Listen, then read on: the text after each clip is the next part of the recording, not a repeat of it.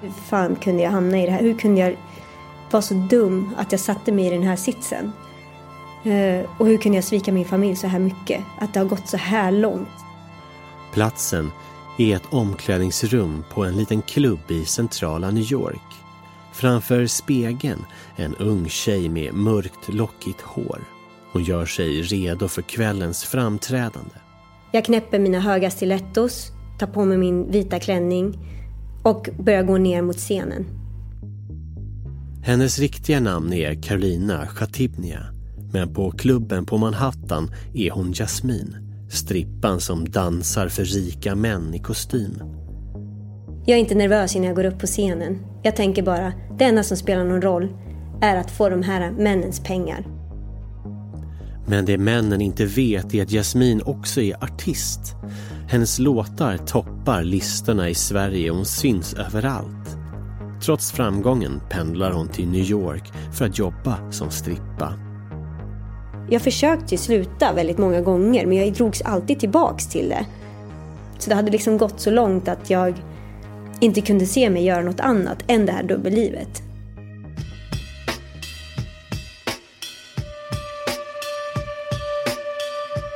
Från Banda för Podmi, det här är Dubbelliv. Jag heter Hugo Lavett.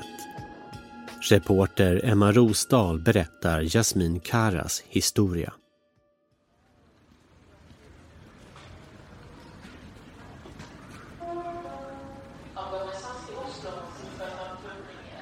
Det är en varm sommardag i juli 2007.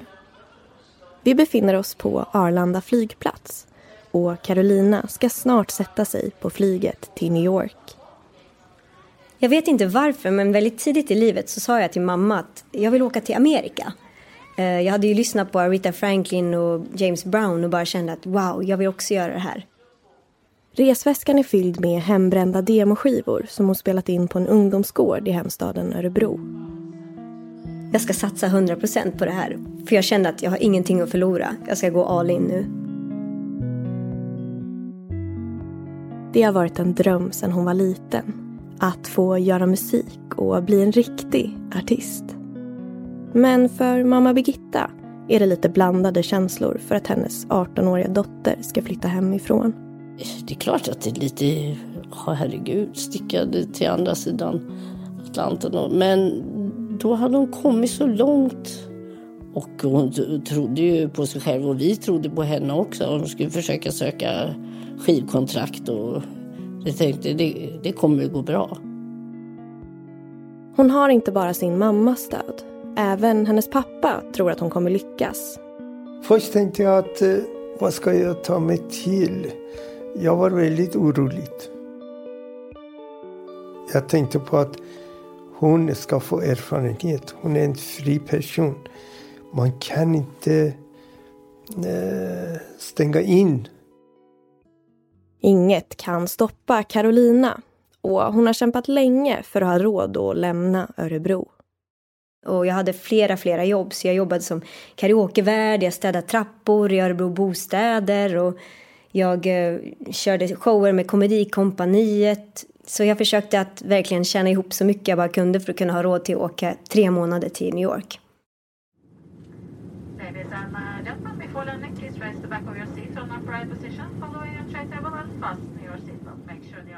Den 2 juli 2007 landar Carolina i New York. Hon har 20 000 kronor på kontot och har hittat ett rum på internet i stadsdelen Queens.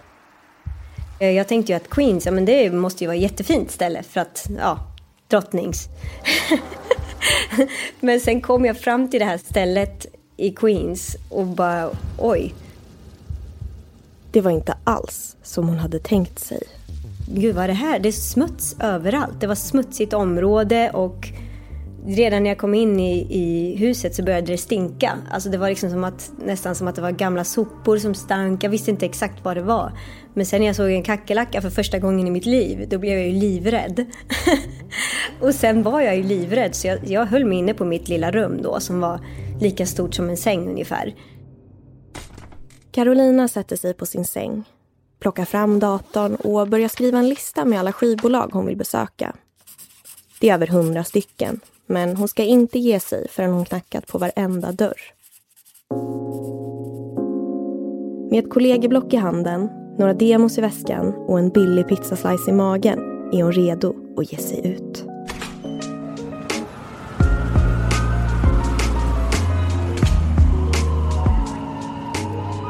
Och sen så satte jag mig på tåget och åkte in mot Universal. På Manhattan har de stora skivbolagen sina huvudkontor. Jag kommer fram till Universal och säger att hej, jag skulle vilja prata med någon A&R för jag har en, en demoskiva som jag skulle vilja visa. Och då så skrattade hon bara till mig och sa Jaha, har du något möte med någon? Är det någon du känner eller sådär? Jag var nej, har du något namn som jag kan få? Hon bara, nej men tyvärr det är bara appointment här som gäller. Carolina betar av skivbolagen på sin långa lista. Men utan framgång. I hopp om att bli upptäckt börjar hon istället spela i barer, parker och på tunnelbanan.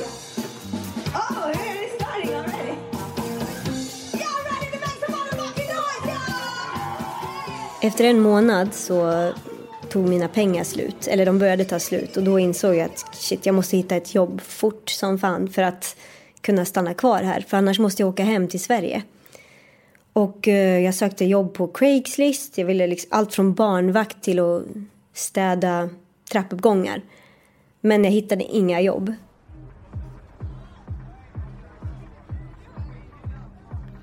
Hon är på väg att ge upp när hon en kväll promenerar längs åttonde avenyn på Manhattan i området Hell's Kitchen.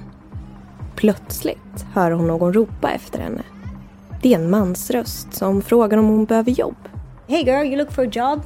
Och jag bara yeah! Och så jag, ser jag att det står Gentlemen's Club utanför. Och jag hade ingen aning om vad Gentlemen's Club var för någonting. Jag tänkte bara, jaha, jag hade aldrig hört det uttrycket i hela mitt liv. Så för mig var det ju som att om det här kanske är ett ställe när män möts eller, eller så är det någon så här cool konceptklubb liksom, som har vet, magdansöser och eldslukare och så. Alltså, jag hade ingen aning. Men så sa han, ja men kom in I show you. Carolina följer med mannen in i den mörka lokalen.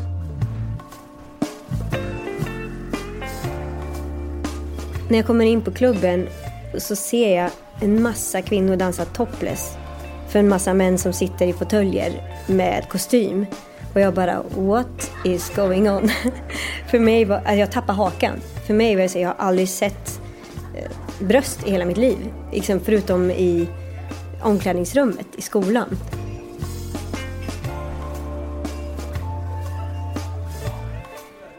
Hon har kommit till en riktig strippklubb. På scenen står en kvinna med långt mörkt hår och stora bröst. Hon snurrar runt den silvriga strippstången till Madonnas Like a Virgin.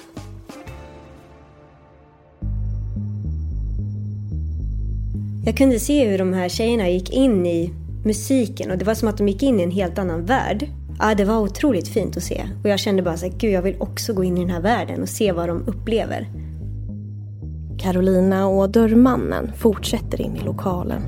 Och eh, då går vi ner för en svart ståltrappa ner till källaren och knackar på den här stora som ser ut som en kassavalvsdörr och kommer in till en scen som också ser ut som taget direkt ur en gangsterfilm. Så där, där sitter den här managern som är en flintskallig, ganska stor man och eh, röker cigarr och räknar sedlar.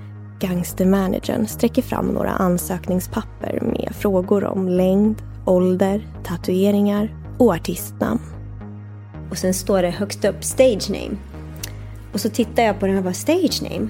För jag, jag börjar fylla i de här frågorna så fort vi har gått upp för trappan. Head over to Hulu this March where our new shows and movies will keep you streaming all month long. Catch the acclaimed movie All of Us Strangers starring Paul Mescal and Andrew Scott. Stream the new Hulu original limited series We Were the Lucky Ones with Joey King and Logan Lerman. And don't forget about Grey's Anatomy. Every Grey's episode ever is now streaming on Hulu. So, what are you waiting for? Go stream something new on Hulu. Here's a cool fact a crocodile can't stick out its tongue. Another cool fact you can get short term health insurance for a month or just under a year in some states. United Healthcare short term insurance plans are designed for people who are between jobs, coming off their parents' plan, or turning a side hustle into a full time gig. Underwritten by Golden Rule Insurance Company, they offer flexible, budget friendly coverage with access to a nationwide network of doctors and hospitals. Get more cool facts about United Healthcare short term plans at uh1.com. igen. Och så frågar jag både bartendern och dörrmannen så här, vad tycker ni att jag ser ut att heta stage name? Och då säger båda Jasmine samtidigt i samma sekund. Och jag bara wow, det är ett sign. Hon har länge velat byta namn och har aldrig riktigt känt sig som en Carolina. I en helt ny stad där ingen vet vem hon är ser hon chansen att få en helt ny identitet. Så, så då blev jag Jasmine och Carolina fanns inte längre.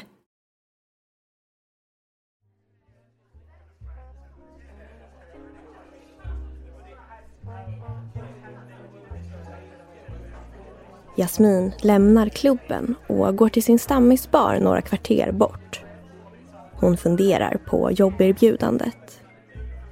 En del av mig tänkte ju direkt att jag kan absolut inte göra det här. Det här är det värsta du kan göra. Det är en stor skam.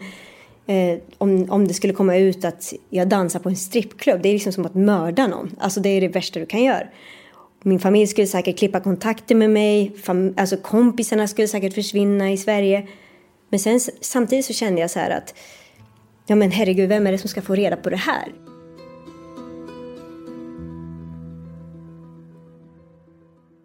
Dagen efter är det dags för Jasmins första pass på klubben. Hon har köpt en vit klänning från H&M och ett par 14 centimeter höga klackskor. Jag gick upp till omklädningsrummet och så var det fullt med tjejer. Och eh, två av dem kommer ihåg att de så här, pratade, liksom, sa någonting. Jag försökte hälsa på dem men de hälsade inte tillbaks.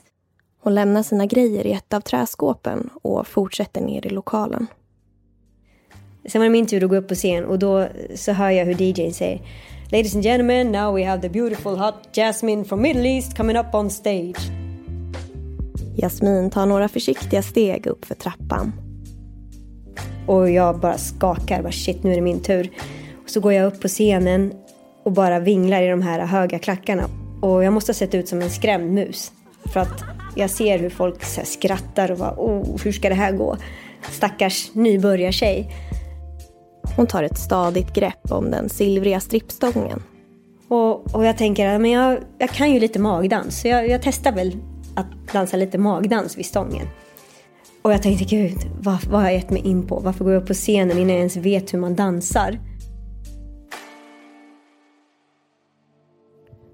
Men Jasmin blir snabbt varm i kläderna och lär sig nya tricks på stången. När hon kommer hem till Queens efter första kvällen så är hon mer än nöjd. Hon har tjänat 400 dollar. Det var den mäktigaste känslan för mig och eh, jag tänkte gud så enkelt det var att tjäna så här snabba pengar. Tänk om jag kan tjäna så mycket att jag kan göra ett album en vacker dag på egen hand utan att behöva ett skivbolag.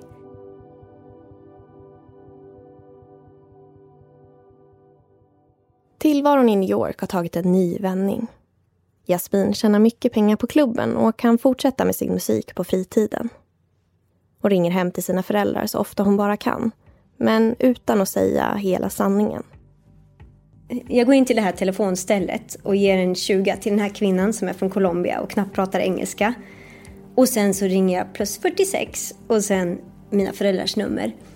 Och ringer hem till mina föräldrar och säger att jag har saknat dem jättemycket och så frågar de hur det går med allt i New York. Jag säger det går jättebra. Jag har börjat fått gigs efter gigs och jag jobbar med en fantastisk gitarrist och nu ska jag också börja eh, vara barnvakt till en rik familj som bor på Upper West Side.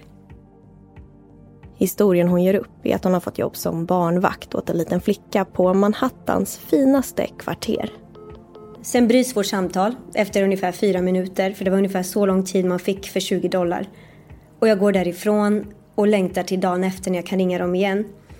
Och skäms, såklart, för att jag har suttit och ljugit för mina föräldrar. Men samtidigt, så jag kan inte berätta sanningen för dem.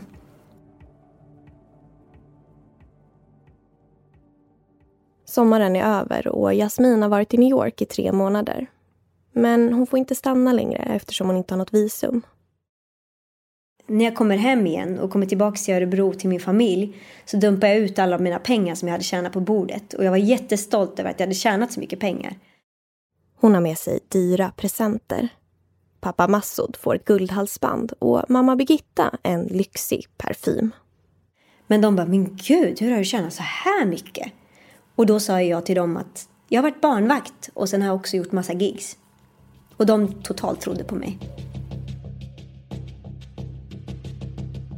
För att verkligen vara säker på att de inte misstänker något plockar hon fram en bild och visar för sina föräldrar.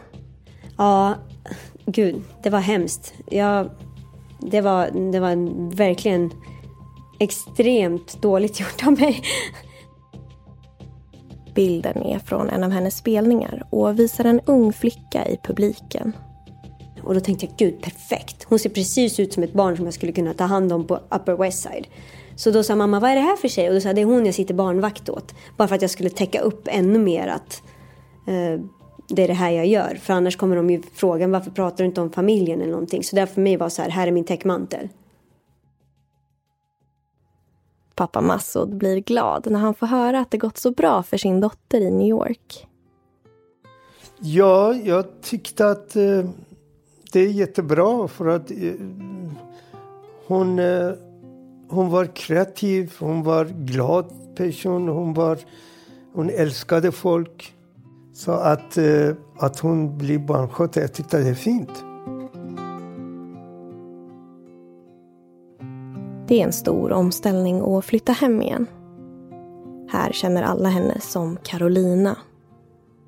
Hon berättar för sina föräldrar och vänner att hon numera vill bli kallad för Jasmin. Precis som i New York. Jag blev snabbt deprimerad när jag kom tillbaka till Sverige och uh, uttråkad. För livet jag hade levt i New York, det var ju som en dröm. Jag hade kunnat uppträtt och tjäna pengar och liksom hela tiden blivit inspirerad med musiken. Men nu så var jag i Sverige igen, i ett liksom iskallt land. Det var grått och utan spänning. Så jag flyttade upp till Stockholm ganska snabbt och eh, försökte att eh, knacka dörr på skivbolag även i Stockholm. Men under tiden så var jag tvungen att tjäna ihop pengar till hyra och också kunna fortsätta satsa på musiken. Hon hittar en jobbannons i tidningen. Så stod det, gillar du dans och musik? Då har vi jobbet för dig. Och då tänkte jag, wow, alltså jag förstod ju att det här handlade om en strippklubb. Men jag tänkte, wow, det här låter ju jättebra.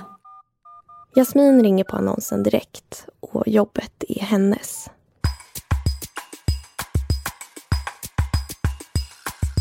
Jag var ju såklart livrädd att mina föräldrar skulle få veta någonting. För det här var ju ändå i mitt hemland. Bara två timmar från Örebro. Men samtidigt så tänkte jag att jag kommer inte vara här så länge ändå. Jag ska vara så lite som möjligt. Och jag kommer ha ett annat namn och liksom, chansen kommer ändå bli minimal eh, att någon ska upptäcka mig där. Hon kommer snabbt in i gemenskapen. Men märker också att Stockholmsklubben är väldigt annorlunda än den hon jobbat på i New York. De männen som drogs till mig, det var ju oftast lärare och eh, äldre gubbar skulle jag säga. Särskilt när jag då hade till exempel två tofsar och, och de kunde liksom identifiera mig med deras elever. Men det var också gäster som eh, till exempel var korta och ville känna sig långa eller så var det långa som ville känna sig eh, större liksom och känna makt över att jag var liten och så här. Så jag fick tyvärr ofta väldigt många våldsamma och ja, män som ville göra en illa på något sätt. Det är inte bara männen som är annorlunda. Och när jag frågade managern så här, men vad har ni för säkerhetsvakter? Nej, det finns inga säkerhetsvakter eller någon, någon, eh, några kameror. För att det händer aldrig någonting här. Eh, och då, då tänkte jag så här, gud det här, det här känns inte bra.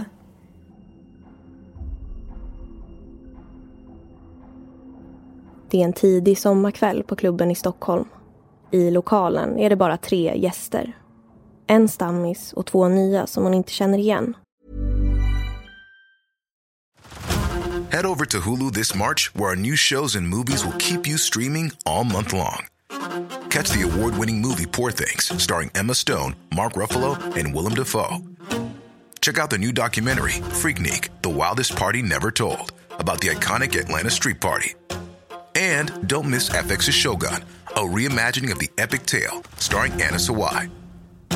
So, what are you waiting for? Go stream something new on Hulu.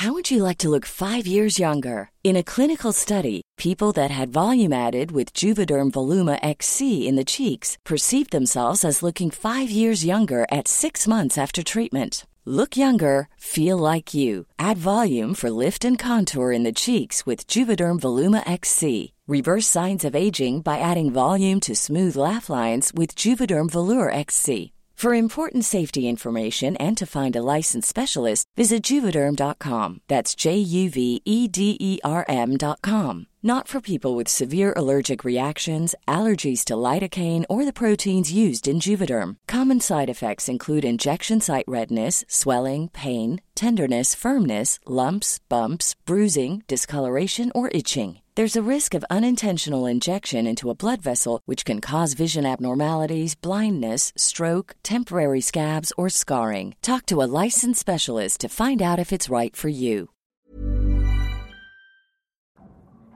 Jasmin går fram och börjar prata med de nya männen.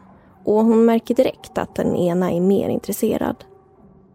Vi satt och pratade liksom om... Jag tror vi pratade om vädret och lite så här, alltså bara kallpratade. Han verkade ju väldigt lugn. Hans kompis minns jag var väldigt så här, skulle vara rolig och liksom mer talkative. Men eh, den här mannen var lugn och gav ett intryck av att han ja, var helt ofarlig. Nere i klubbens källare finns små rum som männen kan betala extra för. Där kan de få en privat dansuppvisning. Den lugna mannen tar med Jasmin till ett av rummen. Så kommer vi ner på privatrum nere i källaren. Och eh, han ber mig att blunda. Så, och jag tänker att den här verkar helt ofarlig den här killen. Så jag, jag halvblundar och då slänger han ner mig på sängen. Och eh, liksom ger sig på mig och jag försöker skrika men jag får inte fram ett ljud till slut. Och eh, ja, han våldtar mig liksom. Ganska brutalt. Jag minns att när han liksom håller för min mun så luktar hans händer mynt och svett. Det minns jag väldigt tydligt. Och att han liksom luktade illa och när han såg på mig, hans ögon, det blev som att de blev... Det var som att se djävulen i ögonen när man tittade på honom. Efter en kvart, vi ska vara där i en halvtimme, men efter en kvart så springer han upp till managern. Och jag springer efter, men jag är helt liksom, söndergråten efter att ha varit där och liksom kämpat emot honom i en kvart. Och så säger han till managern att han vill ha pengarna tillbaks. För att jag inte var nog bra på rum. Och hon tittar på mig och sen tittar hon på honom och säger självklart ska du få pengarna tillbaks. Mannen som våldtagit henne tar emot pengarna och går ut från klubben. Och jag säger jag tänker fan inte gå ut på den här scenen igen. Jag tänker inte dansa mer. Jag slutar nu. Eh, och då händer nästa grej som är ännu sjukare och det är att hon säger att men du vill att vi ska berätta för dina föräldrar kanske? Vill att jag ska ringa din pappa och berätta att hans dotter är prostituerad? Jasmin går tillbaka till omklädningsrummet. Ögonen är röda och eyelinern har runnit längs kinderna. Tittar mig i spegeln och med värsta avskyn i, jag någonsin har känt. Liksom att hur fan kunde jag hamna i det här? Hur kunde jag vara så dum att jag satte mig i den här sitsen? Jag har svikit min familj, jag har svikit liksom alla omkring mig. Och nu finns det ingenting kvar att leva. Jag var återigen liksom tillbaks på botten och i mörkret.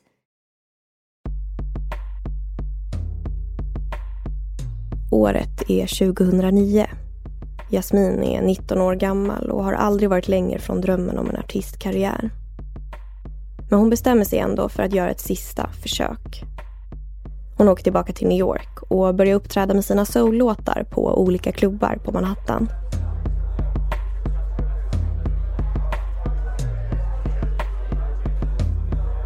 Och sen en kväll så skulle jag spela med ett band på ett litet ställe i Soho som heter Lolas och då hände något jätteoväntat. Till Jasmins stora förvåning befinner sig ett världskänt artistpar i lokalen. Så då går jag upp på scen eh, och ska sjunga med bandet och sen ser jag Beyoncé och Jay-Z sitter i publiken.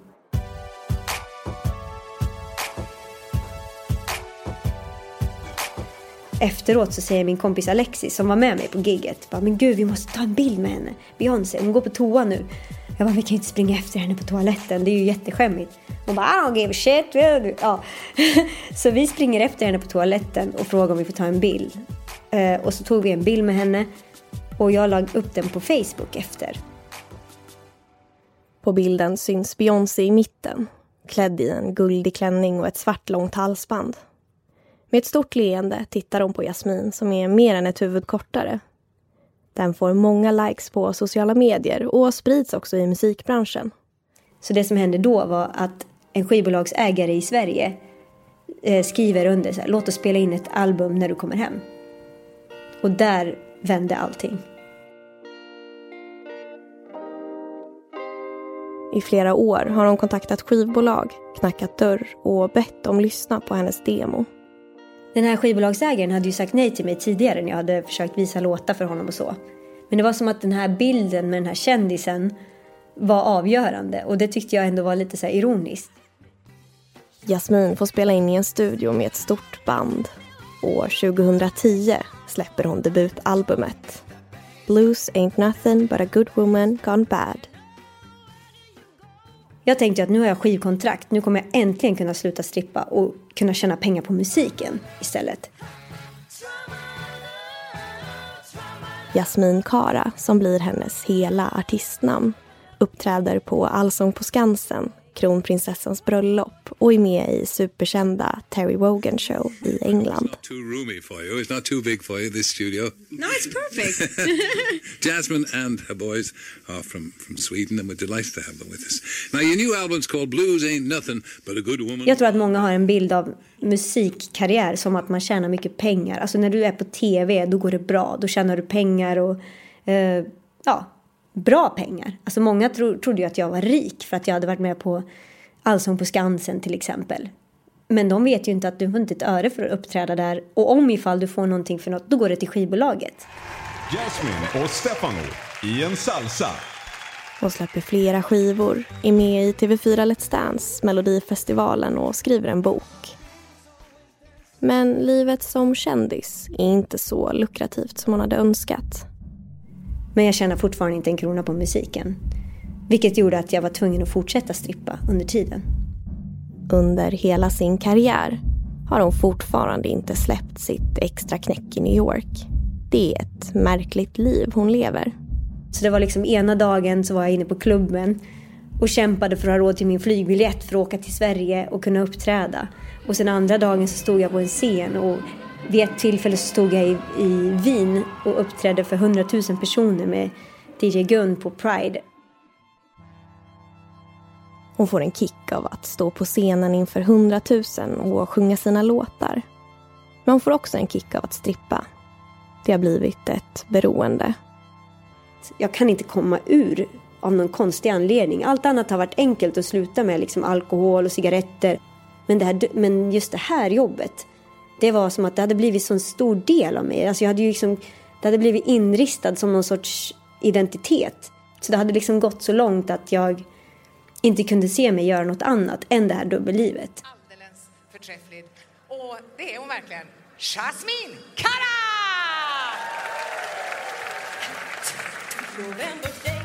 Göteborg, augusti 2018.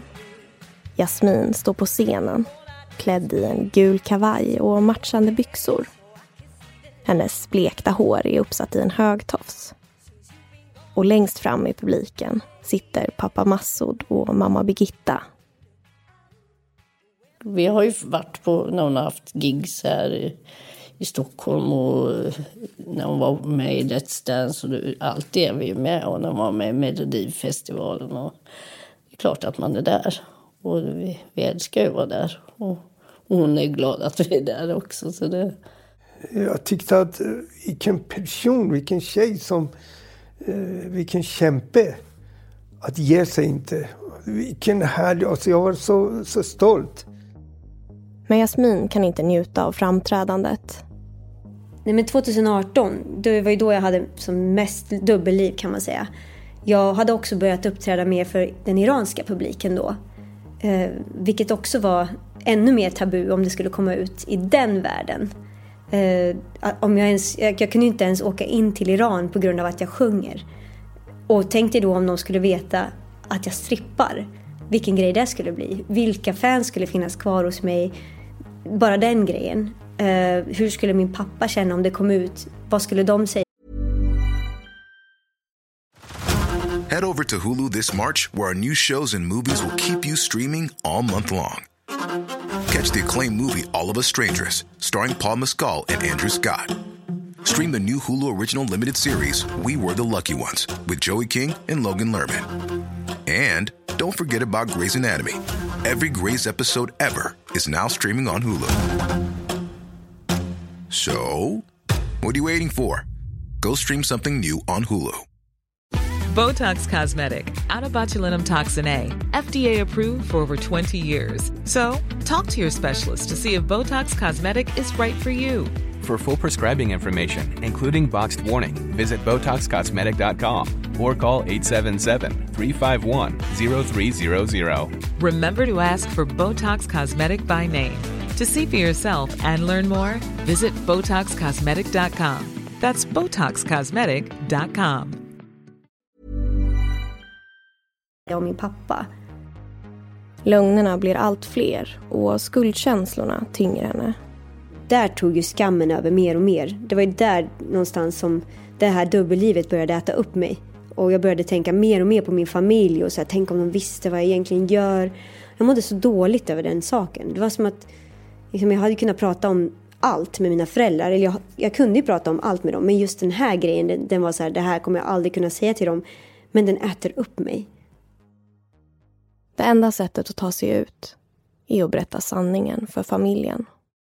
Och sen bestämde jag mig för att men nu ska jag till Örebro och göra en konsert vid slottet. Dagen efter. Det är perfekt. Då kan jag berätta för dem. För då har jag i alla fall gjort min sista grej i Örebro i så fall. När konserten är slut åker Jasmin hem till sina föräldrars lägenhet. Och dagen efter går hon och hennes mamma en promenad.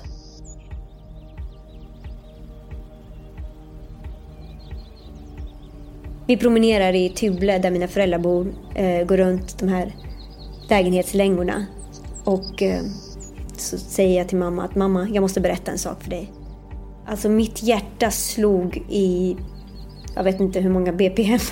Alltså mitt hjärta slog så hårt att det kändes som att det skulle liksom lyfta ur min kropp. Jasmin stannar till.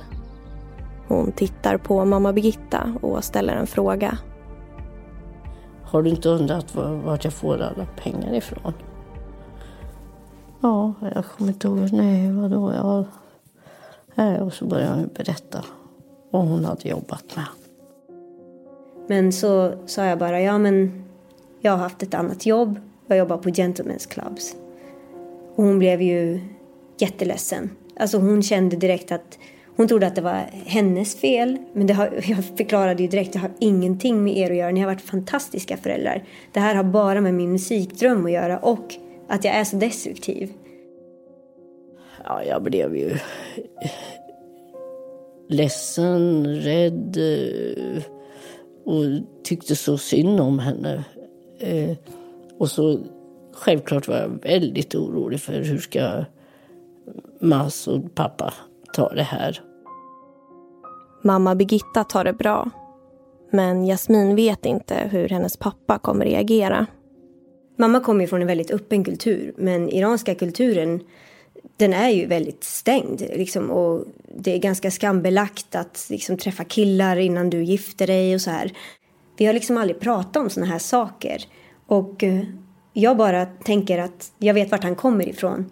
Och det här är ett stort tabu. De promenerar hem igen, äter lunch tillsammans och väntar på att Massoud ska komma hem från jobbet. Jag tyckte det är konstigt. Hon är inte så där pig som... Och hon var väldigt allvarlig. Liksom. Och då sa hon att kan du sitta jag ska prata med dig avis. Jasmin ber honom sätta sig i soffan. Och så säger jag till pappa med hjärtat i halsgropen. Pappa, jag måste berätta en sak för dig. Och han bara, vadå för någonting? Så här. Jag bara, pappa, jag sa det direkt bara, rakt ut.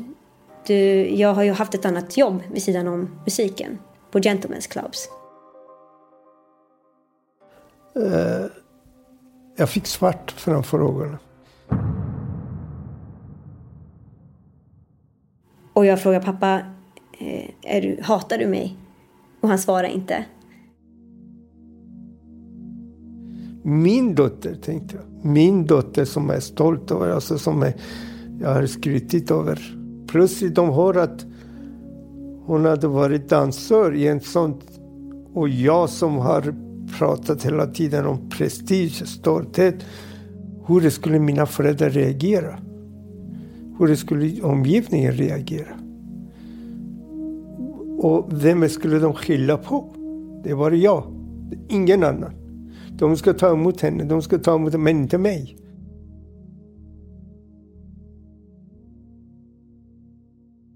Men så händer någonting. Massoud lyfter blicken och tittar på sin dotter. Sen fick jag ett röst inom mig att vad håller du på med? Jag har henne.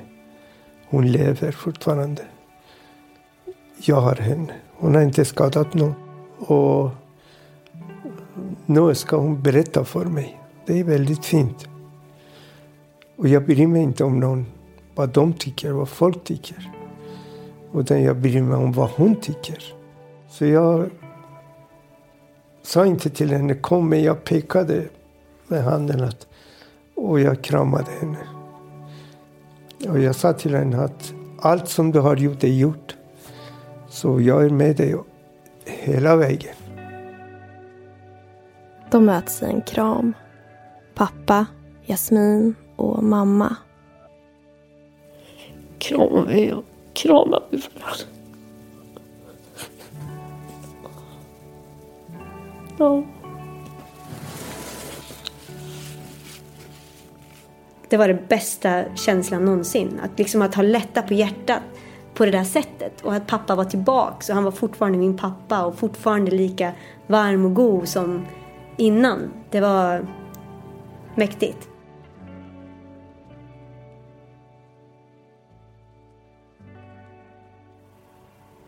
Och jag tänker liksom nu när du ser tillbaka på det här dubbellivet. Vad, vad, vad tänker du kring det hela den tiden?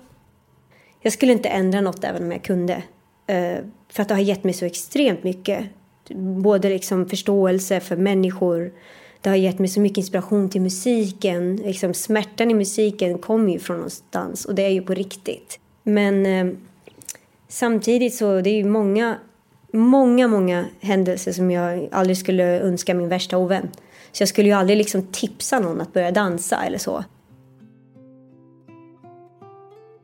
Dubbellivet är över. Inga fler lögner.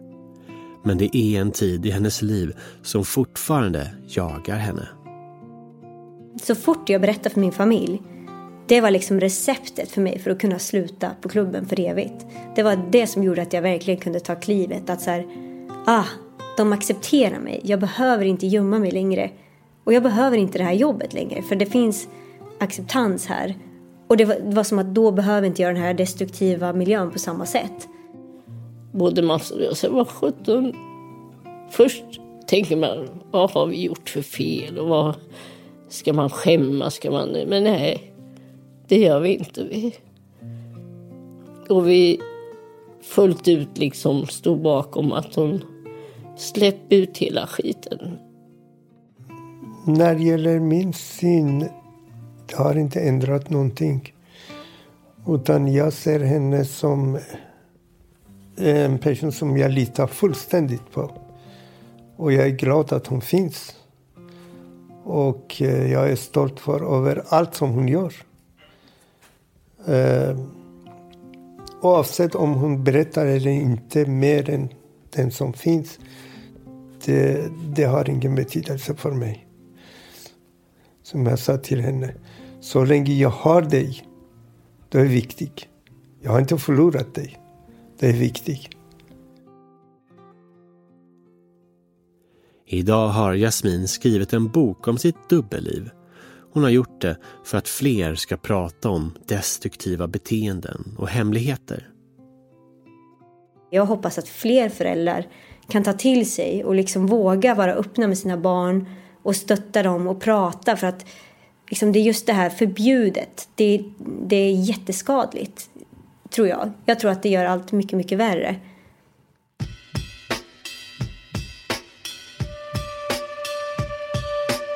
Du har lyssnat på Dubbelliv, en podd med produktion från Banda. Reporter var Emma Rosdahl. Jag heter Hugo Lavett. Ljuddesign Thomas Henley. Slutmix Axel Rickert Berkemar. Exekutiv producent hos Podmi är Sofia Neves.